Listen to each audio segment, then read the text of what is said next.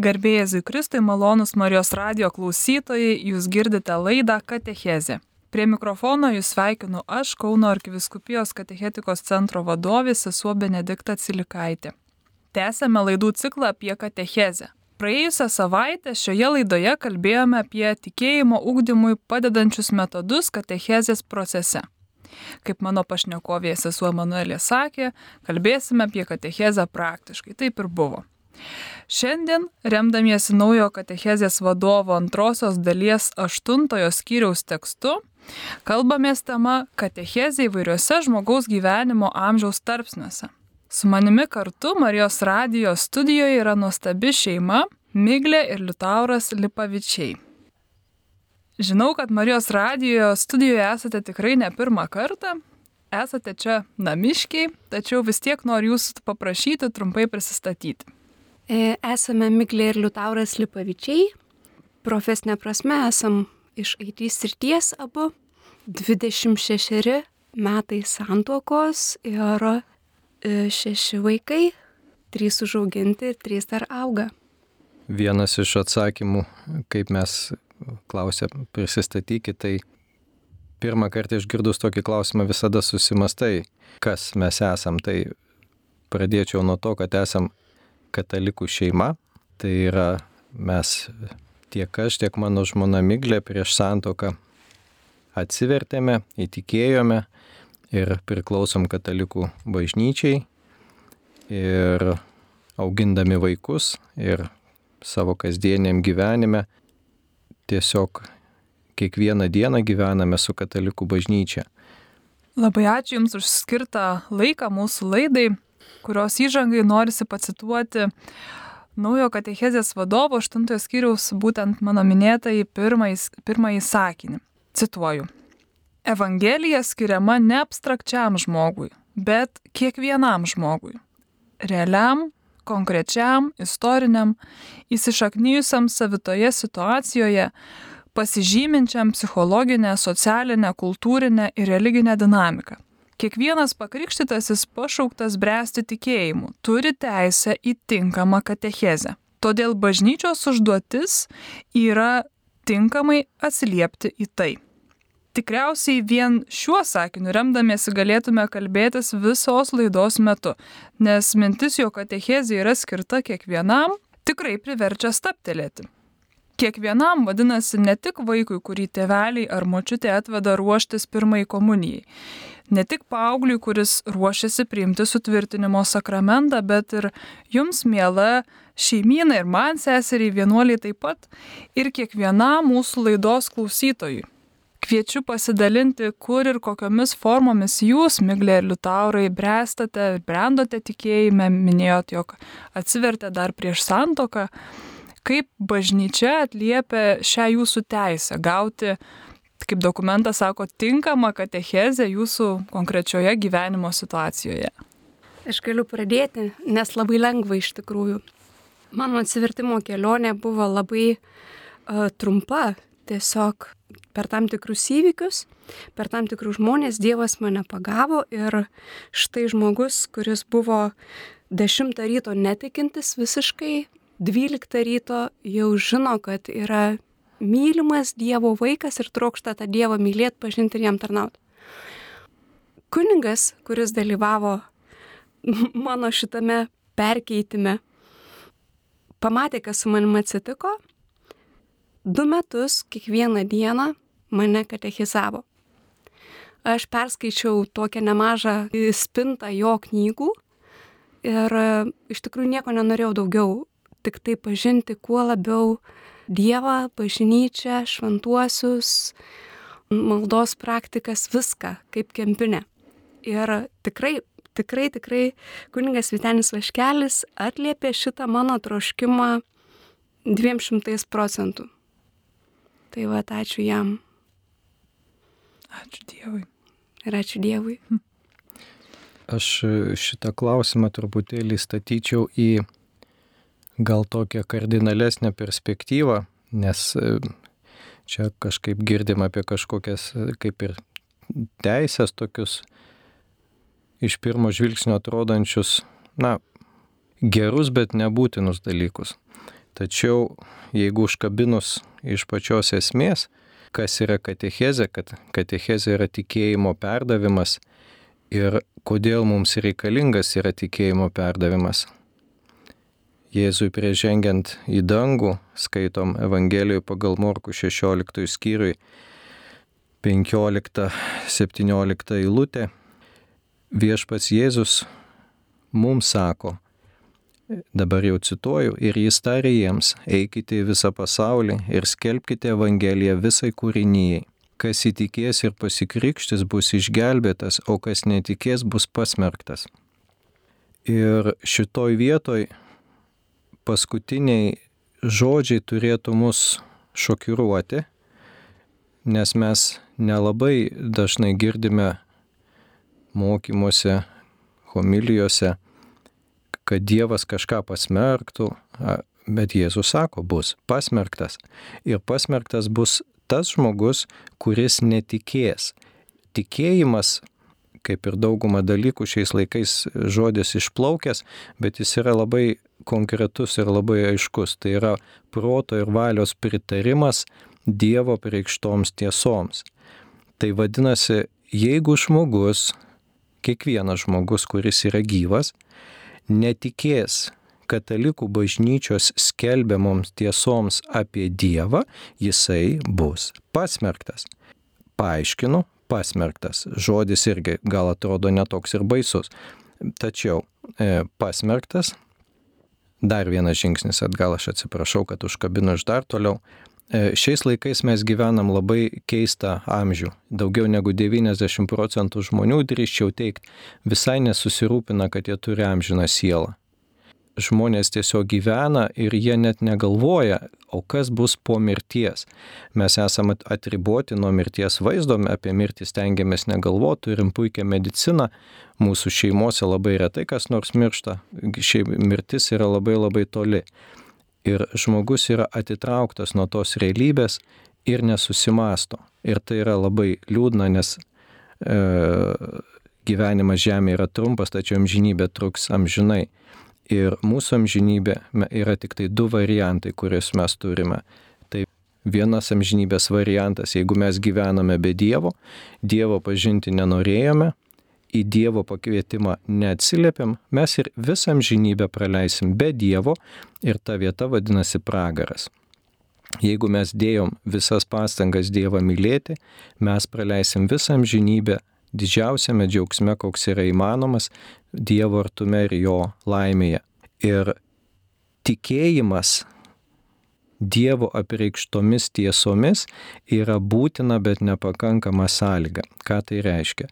Tai reiškia, kad žmogus privalo tikėti tai, kas kelbė katalikų bažnyčia, jeigu nori būti išgelbėtas ir patekti į dangų. Tas žmogus, kaip ir skaitom, kas netikės, bus pasmerktas. Tas žmogus, kuris netiki bažnyčios skelbiamom tiesom, bus pasmerktas. Ir tai yra Jėzaus žodžiai. Ir dabar katechezė ir yra to bažnyčios mokymo, to tikėjimo, kuris yra būtinas mūsų išganimui, perdavimas visiems žmonėms. Tai tiek mūsų šeimai, tiek man pačiam, tiek mūsų vaikams. Ir katechezė yra, na, aš pasakyčiau, būtina kaip oras, nes be katechezės žmogus e, sėdi savo, savo namuose ir tiki, kad yra du dievai. Arba vienas, arba penkiolika, arba penkišimtai. Ir tai yra ne taip. Ir šitokio tikėjimo arba netikėjimo Dievo priekštai tiesai pasiekoje žmogus keliauja į pragarą. Ir tai yra pats baisiausias dalykas, koks tik tai gali būti. Žmogui nieko šito žemėje negali būti baisaus palyginti su amžinybė pragare. Taip pat šitos tiesos mes labai dažnai neišgirsime šiais laikais, nes labai nepatogu apie tai kalbėti. Tačiau kaip tu turi nekesti žmogų, žmogaus, kai tu matai, kad vaikas žaidžia autostradoj futbolą ir jam nepasakyt, kad to nedaryk, nes mirsi tai ant kiek reikia nemylėti tų žmonių ir nekalbėti apie jų amžinybę. Ir katechezė tiek man pačiam, tiek mūsų vaikams, tai visų pirma yra pirmas žingsniukas į išganimą. be kurio išganimas yra tiesiog neįmanomas. Ačiū Jums už tokį tikrai gilų atsakymą ir tęsiant mūsų pokalbį, dokumentas sako, kad šeima yra tikėjimo skelbėja, nes yra natūrali vieta, kur tikėjimas gali būti išgyvenamas labai paprastai ir spontaniškai. Ir Jūs paminėjot ir tikėjimo perdavimą savo vaikams, E, teko būti jūsų namuose ir, kaip aš taip sakau, labai realioje vienoje katechezėje, kur labai netikėtai, turbūt ne, nepamenu, gal 9 val. ar, ar pusę 9 pataisysit, e, koks tai buvo laikas. Visi susėdom prie apskrito stalo ir staiga ėmiau matyti vaizdą, kad vaikai vadovauja vakaro maldai, visiems viskas aišku, kas skaito skaitinį, kas seho maldavimus, kas uždega žvakę ir tiesiog namų, ši, namų liturgija pavadinčiau, kuri man liko jau tikrai ne vieni metai atgal tas įvykis. Tikrai e, galbūt galėtumėt plačiau papasakot mūsų klausytojams, kaip, ta, kaip tas tikėjimo perdavimas vyksta jūsų vaikams, nes jau ir vaikai paaugę nuo to karto, kaip buvau pas jūs, jau jie darosi paaugliukai ar net berniukai, kurie yra namuose, kaip toliau vyksta tikėjimo perdavimas namuose. Aš pradėčiau nuo to priminimo ir prisiminimo. Mes, katalikai tėvai, atneždami kūdikį į bažnyčią ir prašydami jam krikšto ir tikėjimų malonės, gauname labai aiškę pareigą, kurią netgi balsu Dievo akivaizdoj mm, išreiškiame. Mes pažadame šitą vaikelį, šitą tiką pakrikštytą krikščionį auginti katalikų tikėjime. Pataisyk mane, Benediktą, bet aš kažkaip nežinau kito sakramento, kur žmogus pažadėtų kitą žmogų katechizuoti Dievo ir žmonių akivaizdoje. Ir um, mes iš tikrųjų su Liutauru labai rimtai šitą, šitą pareigą priemėm nuo pat pat pirmų pačių savo mažųjų vaikų. Ir aš atsimenu, kad tiesiog e, mes neždavome savo vaikus nevaikštančius į mišes kiekvieną sekmadienį. Ir man te, yra tekę netgi skaityti skaitinį su dukrant klubo ir viskas buvo tvarkoj bažnyčiai. Tas tikėjimo perdavimas šeimoje, jisai vis tiek vyksta. Bet Liutauras kalbėjo apie tai, kad katechezė turi būti teisinga kad mes turim vaikus mokyti teisingai tikėti. Liūdna naujiena yra ta, kad mes, tėvai, neišvengiamai mokome vaikus tikėti, bet nebūtinai Dievu. Nes vaikai perima e, mūsų vertybės, perima mūsų įpročius, perima mūsų dienotvarkės ir e, jeigu, tarkim, futbolo rungtynės arba krepšinio rungtynės yra svarbiau už mišęs tėvams, jos bus svarbiau už mišes ir vaikams. Ir jeigu e, vakaro malda įvyks tik tai tada, kai visi bus nepavargę ir visi neturės daugiau nieko daugiau m, žiūrėti per televizorių arba kažką veikti, tai ta malda įvyks kartą daug dėviai mėnesį.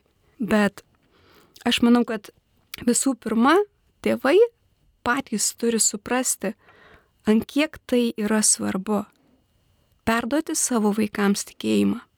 Aš e, tikėjimo e, perdavimą sudėliočiau į dvi tokias lentynėlės. E, pirma lentynėlė tai reiškia, kaip mes tikėjimą perdodam neformaliu būdu, tai reiškia savo pavyzdžių. Ir jeigu vaikas mato, kad tėtis ir mama eina melstis, ir vaikas mato, kad tėtis ir mama meldžiasi rožinį, vaikas mato, kad tėtis ir mama eina į mišes ir juose dalyvauja, tai jam tiesiog ir bus akivaizdu, kad nu taip yra daroma ir taip yra turi būti. Tai čia yra toksai, e, kaip sakyti, tikėjimo perdavimas savo pavyzdžių, kuris iš tiesų yra pats pirmiausias ir pats svarbiausias. Kitas tikėjimo perdavimas, kas, ką aš jau dabar jau pavadinčiau katecheze, tai yra tos struktūruotas bažnyčios mokymo ir tikėjimo tiesų perdavimas, tai jisai yra jau tik tais antras, nes jeigu e, savo vaikams pamokslausim, bet tuo negyvensim, tai e, vaikas labai iš, išmoks greitai linksėti, linksėti ir pamiršti per dvi sekundės, ką tenai tėtis bumbėjo arba mama savo ponosi ir ką tenai kalbėjo. Tai va, tai pirmas dalykas kas reikalinga, tai yra mums patiems atsiversti ir tikėti iš viso širdies mylėti Dievą ir tikėti bažnyčios skelbiamą tikėjimą, tai reiškia, pirmas uždavinys tėvams yra katechizuoti save. Gal kada nors istorijoje ir buvo taip, kad kažkas ateidavo ir katechizuodavo, bet dabar taip nėra. Dabar reikia, tačiau tai nedidelė problema. Literatūrą skaityti visi jau mokame. Ir katechizuoti reikia visų pirma save, nes nuo to priklauso mano asmeninis išganimas. Jeigu aš nedėsiu pastangų ir tikėsiu neteisingus dalykus, pavyzdžiui, kad e, aš iš, išgirsiu ir man visai patiks ir aš sakysiu taip, iš pažinties sakramento nereikia. Ir aš taip tikėsiu. Darysiu nuodėmės, baigsiu savo gyvenimą ir su mirtinom nuodėmėm keliausiu tiesiai į pražūtį, į pragarą. Ir vadinasi, tikėjimas man pačiam visų pirma yra svarbus, kad aš jį teisingą turėčiau ir tada aš jį galėčiau perduoti toliau. Ir e, tas labai gražus žodis katechizacija yra susijęs žodžiu katekizmas. Ir vat, katekizmas mes tiesą pasakius, gal tik tais pusmetis, gal metai e, pradėjom E, vakarinės šeimos maldos metu skaityti su vaikais katekizmą.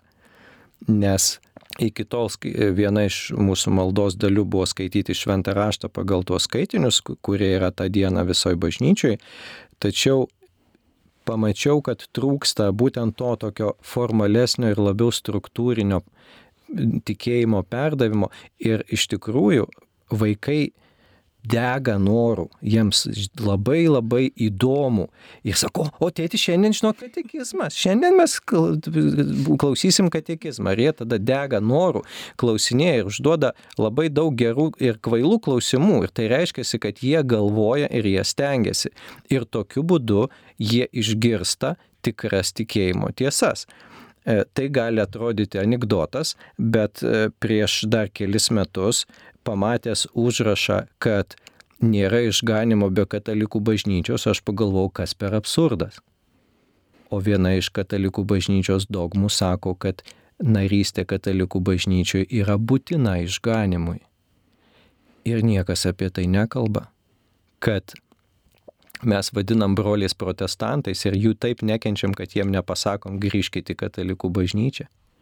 Kaip mes jų turim nekesti, kad mes jiem nepasakytumėt, kad jūs atsiskyrę nuo katalikų bažnyčios einat į pražūtį. Mane labai labai palėtė ir tai susijęs su mano katechizacija asmeninė, kai liudijo viena protestantų šeima, kai jie atsivertė į katalikybę ir sako, mes sako, labai supyko man katalikų. Mes tapom katalikais, bet labai supyko man katalikų. Kodėl jūs mums to nesakėt? Kodėl jūs mums nesakėt, kad mes visi turim priklausyti vienai katalikų bažnyčiai, nes kitos nėra? Ir tai yra blogos katechizacijos pasiekmė, kad žmonės nesupranta elementarių tikėjimo tiesų, kad katalikų bažnyčia yra viena, vienintelė Jėzaus įsteigta bažnyčia, be jos nėra kitos. Visi, kurie išeina į kitą bažnyčią, atsisako išganimo savo norų. Ir tai yra baisu, nes jie žmonės patys pasirenka gyventi be Dievo, pragare. Ir niekas apie tai nekalba. Ir aš nenoriu, kad mano vaikai to nežinotų. Ir vadinasi, pirmas žingsnis yra katechizuoti save ir antras žingsnis - katechizuoti savo artimus ir aplinkinius. Ir mes pradėjome labai ir nuo jokingo tokio mažiuko, mažiuko paltaroko katekizmuko, aš jį net pavadinčiau. Ten taip viskas paprastai ir aiškiai surašyta, Bet ten yra esminės tiesos, kurių, nuo kurių prasideda visi kiti dalykai. Ir prieš išmokdami bėgiot, mes turim išmokti vaikščiot, prieš išmokdami vaikščiot, mes turim išmokti šliaužiot. Prieš kalbėdami didelės teologinės teorijas mes turim žinot, kad yra vienas Dievas trijose asmenyse. Turim žinot, kiek yra sakramentų, kam jie reikalingi. Ir tai yra privalomas dalykas mūsų išganimui. Na, iš tiesų labai gera buvo girdėti tą sakinį, kurį, Miklė, jūs paminėjot pačioje pradžioje, kad e, mes rimtai priėmėm tą įsipareigojimą, kurį Krikšto sakramento teikimo metu, kaip tėvai, priėmėm, ar ne? Tai Ir nuo to visi dalykai toliau rutuliojasi, kiekvienos dienos pasirinkimas, ar ne, ir kaip ugdyti ir save, ir vaikus, ir ko gero, ir natūraliai ir aplinką, kurioje darbuojatės, kurioje gyvenat. Keletą dalykų dar praplėtimui tos pačios temos paminėsiu iš irgi dokumento, kuris kalba apie tokius konkrečius dalykus, kas įvyksta, galėtų įvykti, tikiu, kad jūsų šeimoje vyksta ir, ir tuo dalinatės, tie pirmieji žingsniai e, vaiko gyvenime, ar ne, būtent tėvų dėka, kaip tos e, ar pavyzdžio, gal vėliau net ir kažkiek, e, kaip Liutauras minėjo, struktūruotos katechezės dėka. Tai yra pabudimas Dievo suvokimui. Pirmieji žingsniai mokantis maldos, ką jūs labai gražiai liūdijot. Moralinės sąmonės lavinimas ir žmogiškosios meilės kaip Dievo, kurėjo ir tėvo meilės atspindžio krikščioniškosios pajautos ūkdymas. Tai tikrai būtent krikščioniškos pajautos ūkdymas, nes galim paskatinti žmogų ar ne, ko gero, na, galvoti apie kažką daugiau, apie kažką plačiau, giliau ir, ir nueiti visur kur, bet koks turi tas mūsų Dievas, kurį išpažįstam, ar ne? Ir tikrai nelengvas uždavinys. Galbūt galėtumėt pasidalinti, iš kur jūs semetės jėgų, nes tikrai turbūt net ir tarp tikinčių žmonių, e, tikinčių šeimų, gal ne visada rasi daug bendraminčių, ar ne? Turim iš tiesų patys teisingai tikėti ir kas būtent šitoj tikėjimo kelionėje jūs stiprina, pirmiausia, kaip nusitoktinis, kaip, kaip vyrai ir žmona, ar ne, kad paskui galėtumėt perduoti vaikams. Visų pirma, tikrai, manau, Liutauras man pritars, tai yra tas asmeninis santykis su Jėzumi. Laikas praleistas su Jėzumi kar kartu, kiekvieną Liutauras vakarą, aš labiau į tais mėgstu melstis, tas laikas asmeninis maldoj. Šitai yra pats svarbiausias dalykas. Antrą dalyką tikrai įvardinčiau, kuo esam kaip šeima be galo palaiminti, kad turime dvasios tėvo, pas kurį einame kas mėnesį iš pažinties pas tą patį kuningą. Ir tikrai jisai pažįsta mūsų ir šeimą, ir kiekvieną mūsų asmeniškai, mūsų širdis, mūsų pliusus žino, mūsų minusus ir gali tikrai pakreipti ir padėti dvasinėme augime. Ir trečias dalykas, kurį vardinčiau labai labai, kas tikrai mums esam ypatingai palaiminti tuo, jog tikrai esame bendraminčiai. Mes esam su Liutauru vienos minties, kas liečia tikėjimo dalykus vertybės, e, visus moralinius dalykus, visame kame tikrai esam vienos minties ir mm, aišku, turim kiekvieną savo nuomonę dalykuose, bet esminiai kardinalūs dalykai mes esam viena ir tai yra didžiulis lobis. Ir vaikam didelis liūdėjimas tada. Aš pridėčiau, kad e, jėgų mums teikia kasdieninis katalikiškas gyvenimas aš kaip tik turiu tokią lapelį, specialiai pasėmiau, galvoju, gal prireiks. Mūsų dvasios tėvas, kunigas Petras Algirdas Kanapka yra sudaręs tokį labai gražų pusę, sakė, turi formato, vadinasi, dvasinė diagnostika. Kai mes e, einam sveikatos diagnozuoti arba automobilio diagnozuoti, tai yra labai aiškiai surašyti, koks turi būti kataliko gyvenimas, kad tų jėgų užtektų ir kad mūsų kryptis būtų į dangų, o ne į pragarą. Pavardinsiu keletą dalykų. Asmeninė malda. Ryte vakare. Asmeninė malda. Prieš valgio, po valgio. Prieš kelionę, prieš darbą. Malda su šeima. Švento rašto skaitimas. Dalyvavimas šventose mišiuose. Susitaikinimo sakramentas. Bent kartą per mėnesį. Rožinis. Dievo gailestingumo vainikėlis. Adoracija litanijos, atlaidų prieimimas, tarnystė, rekolekcijos, piligriminės kelionės. Ir tai yra kasdieninio gyvenimo dalykai, jeigu mes jų nedarom, tai mes, na, kaip ir nesimaitinam iš bažnyčios lobino ir, na, mūsų dvasia truputėlį badauja. Arba labai, priklauso kiek mes nedarom šitų dalykų. Ir mūsų gyvenimas yra visada priklausomas nuo Dievo ir kai mes jo klausom, tai tada turim ir, ir jėgų, ir galimybių gyventi taip, kaip Dievas mums liepia gyventi. Ir tokiu būdu mūsų pastangos, bent jau kas iš mūsų pusės priklauso, tikiuosi vainikuojasi sėkme. Nors niekas mums nesakė, kad tai, ką mes viską darysim, visada seksis. Ir lygiai taip pat ir mūsų šeimoje mes e, su bažnyčia gyvenam visus santokos metus, maldos gyvenimą ir šeimos maldos gyvenimą turėjom ir šventų rašto skaitimą, tačiau ne visi mūsų vaikai gyvena dabar gyvenime su bažnyčioje. Kai jie užauga, jie turi patys apsispręsti ir tai, kas jiems yra įdėta, turėdami laisvą valią, kaip jie apsispręs, tai yra jų gyvenimas ir tai yra mums kaip tėvams skaudi labai tema, bet taip yra. Dievas neturi anūkų, Dievas turi tik vaikus. Norėčiau padrasinti ir kitus tėvus, kurių galbūt suaugę vaikai yra atitolę nuo bažnyčios. Reikia už juos melstis ir juos mylėti ir tikėti Dievo gailestingumu ir jo pažadais. Labai dėkoju Jums už brangę patirtį ir nelengvą patirtį, kurią dalinatės. Tikrai e, didžiulė dovana. Ir man, ir mūsų klausytojams E, norisi dar kažkaip prie tų vaikų staptelėti ir dar vieną trumpą klausimą užduoti. Kaip jūs galbūt atsimenat kažkokį, nežinau, ar, ar juokingą, rimtą, pasirinkit patys epizodą, kai, na, nežinau, gal pirmą ar kartą bandėt e, paaiškinti savo vaikams, kas yra Dievas ar ne, kas yra malda, kai tas klausimas atėjo jau ne į pavyzdžio ar ne, kur, nu, mato, kad čia kažkas vyksta ar ne, kažką daro tėtis ar mama, bet apie iš tos kalbėjimo pusės, ar ne, kaip paaiškinti, kad, nežinau, mes turime sąžinę ir turim jos klausytis, arba šitą darom, aš to nedarom ne dėl to, kad aš pasakiau, bet, bet tai turi prasme, ar ne, daug didesnę.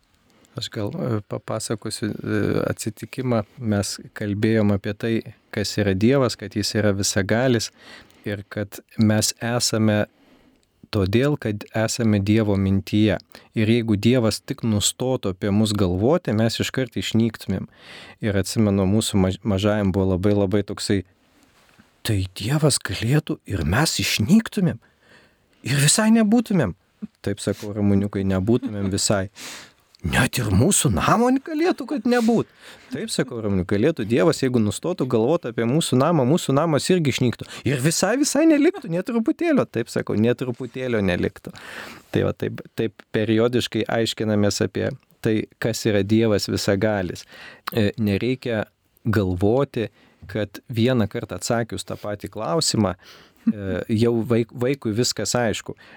Ta pati klausimą, kas yra Dievas, kas yra tikėjimas, kodėl mes einam į bažnyčią, kodėl mes priimam sakramentus, tie klausimai vienokie kyla, kai vaikui yra penkeri metai, kai jam bus dvylika vėl.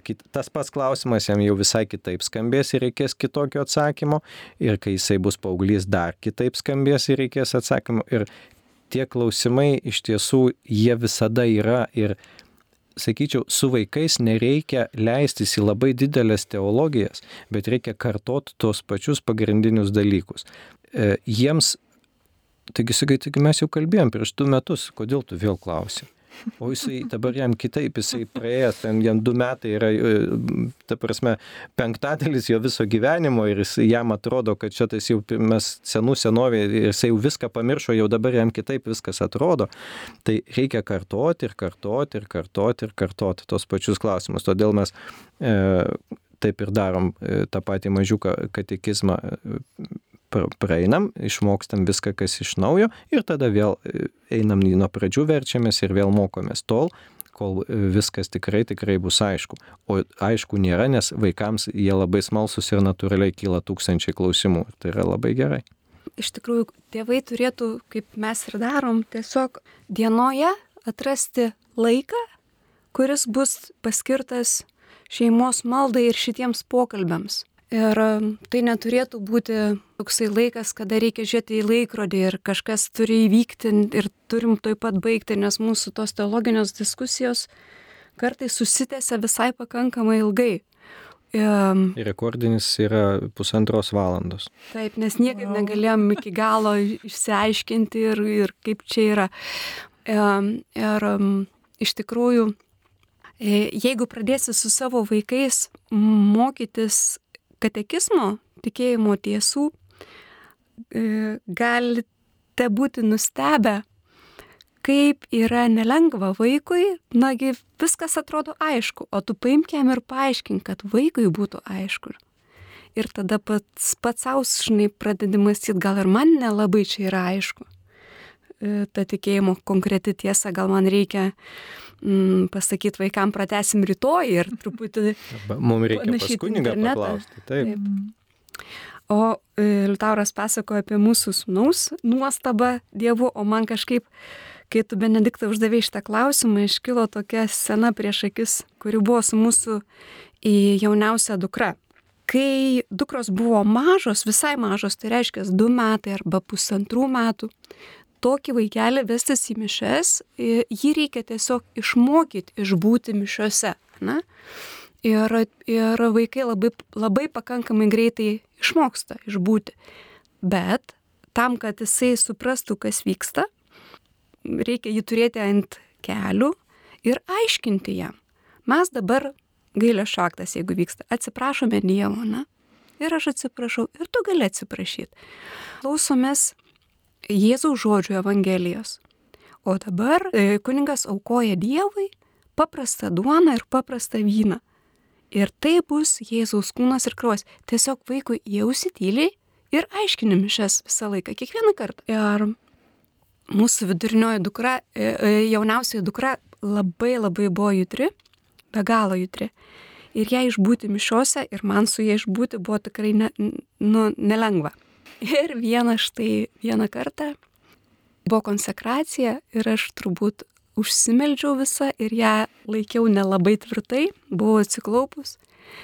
Ir jinai pabėgo iš, mane, iš mano rankų, E, tai buvo Vytauto bažnyčiai, pribėgo prie altoriaus ir šaukdama pirštų, rodydama sušuko, Jėzaus širdelė, čia yra Jėzaus širdelė.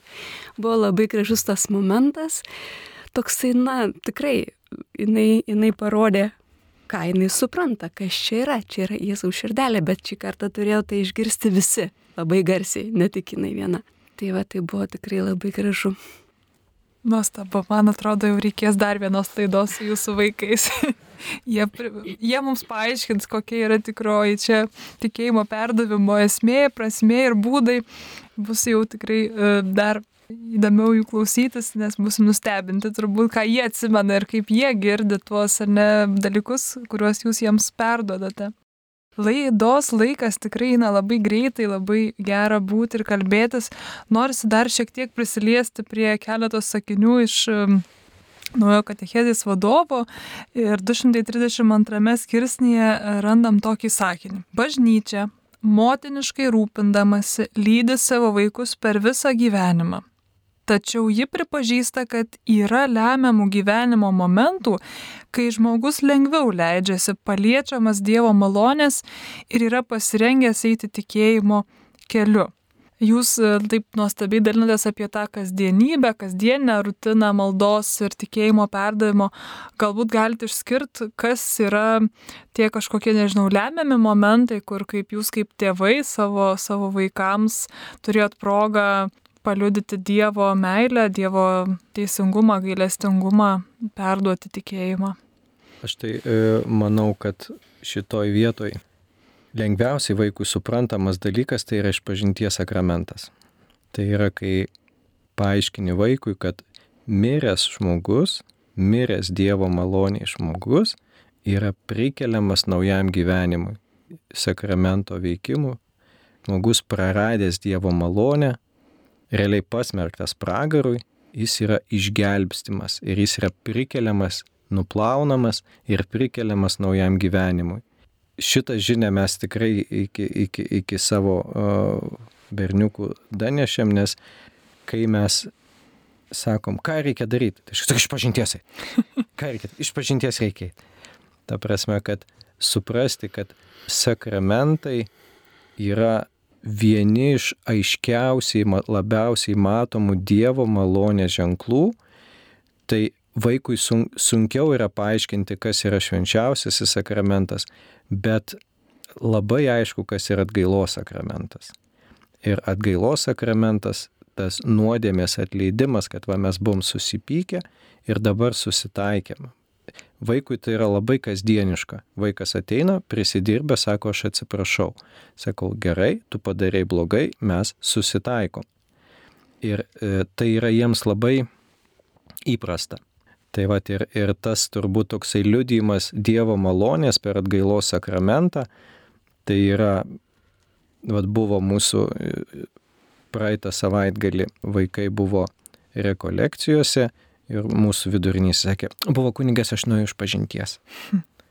Neragintas, nesakytas, ta prasme, ta, nesakėt, kad bus kunigas, eik išpažinti. Ne, niekas jam nesakė. Jisai pats pakvietė visus, kas nori vaikus eiti iš pažinties ir jisai pats nusprendė ir priejo iš pažinties, gavo nuodėmę atleidimą. Tai va, tai aš manyčiau, kad turbūt vaikams yra vienas iš lengviausiai suprantamų Dievo malonės ženklų, tai yra atgailos sakramentas, kad, nes jiems tai yra aišku. Mes susitaikėm buvom susipykę, o dabar susitaiko.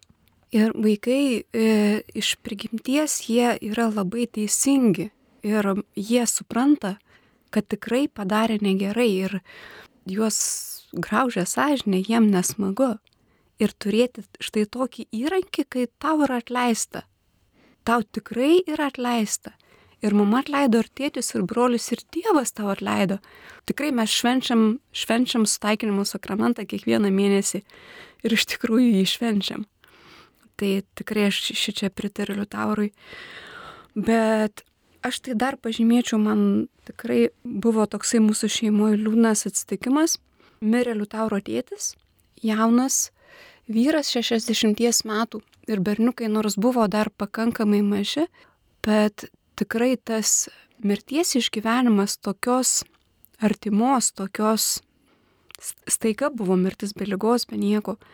Ir tai, kad mes melžiamės už, už senelio sielą, jiems yra tikrai mm, didelė paguoda ir didelis toksai, na, e, tos atskirties kaip ir ištrinimas, ar ne, nes jie gali melstis už senelio sielą.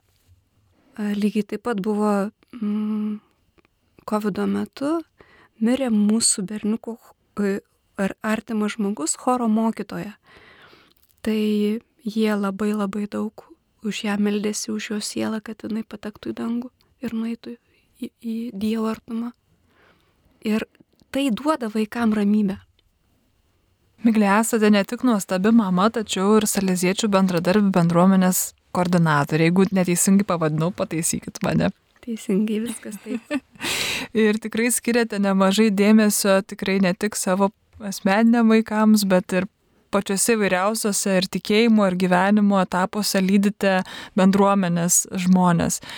Kaip e, vyksta ta katechezė, gal asmeninė, gal bendra, e, būtent saleziečių bendradarbių bendruomenėje ar, ar jos vykdomoje misijoje? Ir vėl viskas ten pat susiveda, nes e, salėsiečių bendradarbių ant ženklelio yra užrašas Damihi animas ceteratolė. Tai reiškia, duok man sielas, visą kitą paimk. Ir kuningas Posko į savo sūnus ir dukras mokė visų pirma, kad tai yra pats svarbiausias dalykas - sielos išganimas. Pirmiausia, tavo asmeninės sielos, o tada visų kitų, ką Dievas padeda ant tavo gyvenimo kelio. Ir um, jeigu negali žmogui daryti gerą, gali už jį melstis. E, jeigu negali jo pamokyti, nes jisai galbūt kaimynas, kuris balevoja ir neturi tu su juo santykio ar ne kažkokio, jisai tik tai triukšmauja tau naktim, tu gali melstis už jį. Gali melstis už jį.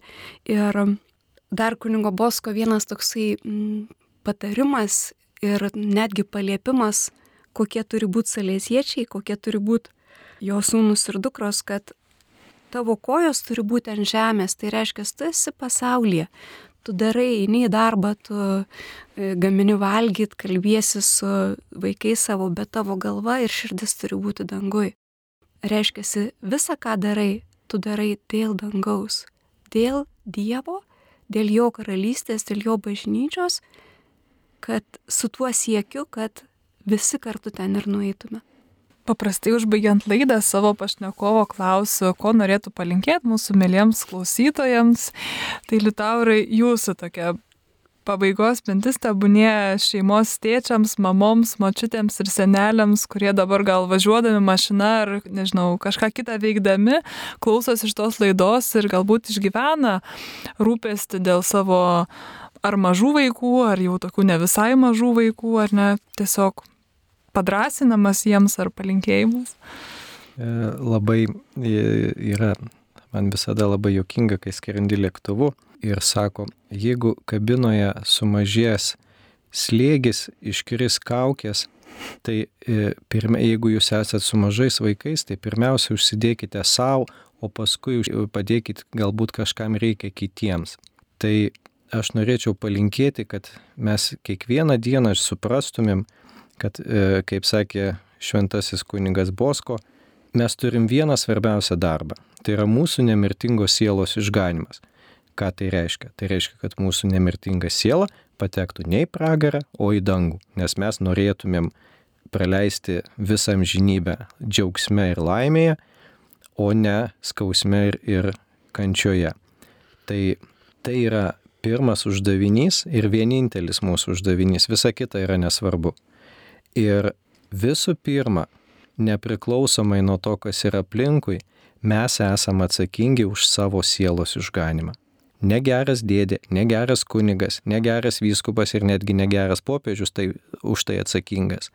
Šitas darbas yra duotas mums kiekvienam asmeniškai. Ir tada klausimas, o kiek jūs jėgų ir pastangų skiriate per dieną procentaliai savo nemirtingos, amžinos sielos išganimui ir gyvenimui amžinybėje.